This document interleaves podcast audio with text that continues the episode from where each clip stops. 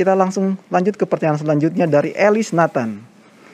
Saya ingin bertanya sesuai Imamat 11 ayat 9 sampai yang ke-12. Apakah kita boleh memakan ikan seperti ikan tenggiri yang saya baca bahwa ikan tersebut hanya memiliki sisik di tempat tertentu atau sedikit sisiknya. Terima kasih pendeta. Baik pendeta, saya bacakan ayatnya dalam eh, Imamat ya. Waduh saya. Imamat ke-12. 11 ayat Imamat 9 11 ayat 9 ya. sampai yang ke-12. Bentar, 11 ayat 9 sampai 12. Oke, ini dia. Inilah yang boleh kamu makan dari segala yang hidup di dalam air. Segala yang bersirip dan bersisik di dalam air, di dalam lautan dan di dalam sungai, itulah semuanya yang boleh kamu makan.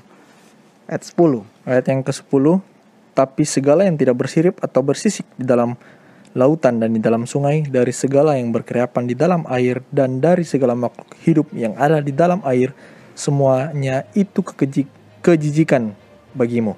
Ayat 11. Sesungguhnya haruslah semuanya itu kejijikan bagimu. Dagingnya janganlah kamu makan dan bangkainya haruslah kamu jijikan. Segala yang tidak bersirip dan tidak bersisik dalam air adalah kejijikan bagimu. Demikian pendeta. Silakan Pak Pendeta.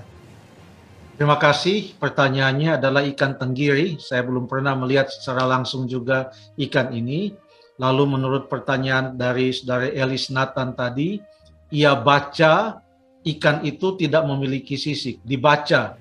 Jadi paling bagus jangan hanya dibaca, ambil saja ikannya, lalu kemudian lihat sendiri apakah ada sisiknya atau ada siripnya atau tidak. Kalau tidak ada sisik dan siripnya, maka tidak memenuhi syarat, maka ternyata ikan itu bukan makanan. Jadi perlu diperiksa sendiri dan dilihat. Tidak usah yang repot-repot, dilihat saja. Kalau tidak ada sirip dan tidak ada sisik, berarti tidak boleh dimakan. Sangat sederhana. Allah memberikan petunjuk yang sangat sederhana untuk bisa kita ikuti. Terima kasih.